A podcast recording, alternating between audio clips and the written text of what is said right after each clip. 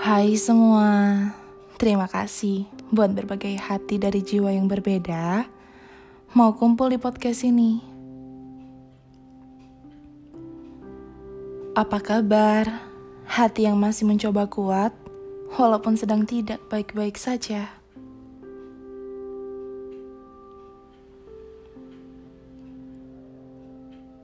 Gue Amel, dan selamat datang di podcast Bayangan.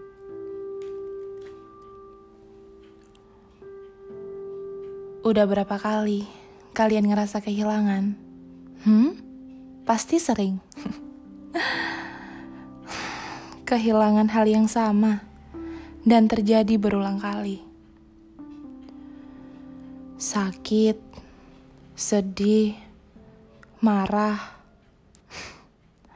hal yang klasik.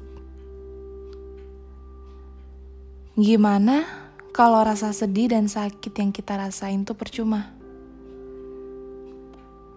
Cuman karena keegoisan hati yang ngejudge bahwa itu milik kita, malah ngebuat kita sakit sendiri.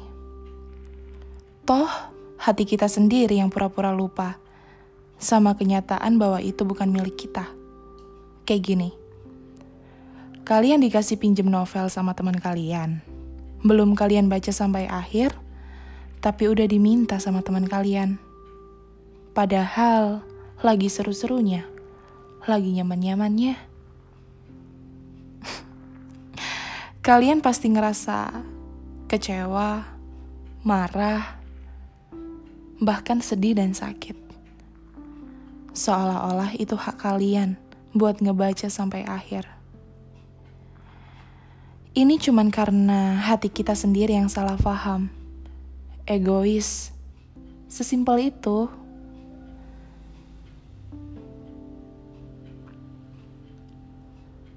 Tapi menurut gue itu normal kok. Toh setiap manusia pasti terlahir untuk egois. Iya kan? Mau contoh? Nih, dengerin ya. Menurut kalian, kenapa setiap anak pasti nangis dan sedih kalau orang tuanya meninggal. Hmm? Karena mereka takut buat ngejalanin hidup mereka sendiri.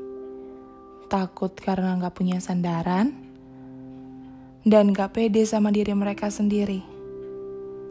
Egois kan?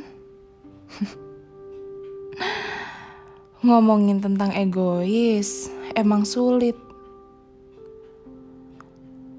awal dari semua masalah, semua kekacauan yang ternyata berawal dari diri kita sendiri, dari hati kita, pikiran kita, dan cara pandang kita sendiri.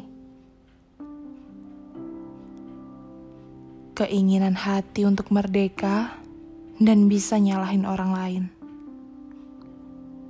Terdengar kasar, tapi emang gitu kenyataannya. Jalan keluar dan kunci dari setiap masalah yang sebenarnya tuh udah ada di diri kita sendiri. Cuman kita mau repot nggak buat ngeluarin dari pikiran kita? Kayaknya itu yang sulit. Kita selalu menuntut orang lain berpandangan sama persis seperti apa yang kita lihat. Berjalan sama persis dengan jejak kaki kita. Dan berperasaan sama persis dengan hati kita. Hmm, semoga ke depannya ego kita makin mudah dikontrol ya. Ngomongin tentang kehilangan, emang lebih parah sih dari apa pun. Akibat dari sebuah perpisahan. Kalau emang bisa, gue mau kok nuker apa pun di hidup gue.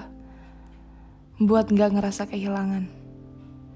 Tuh kan, egois lagi. kita emang sering ngejaga sesuatu yang bukan milik kita. Makanya, pas diambil tiba-tiba kita ngerasa gak terima ngerasa sakit kecewa ngerasa kehilangan. Padahal sih bukan hak kita. Hmm, dasar kita.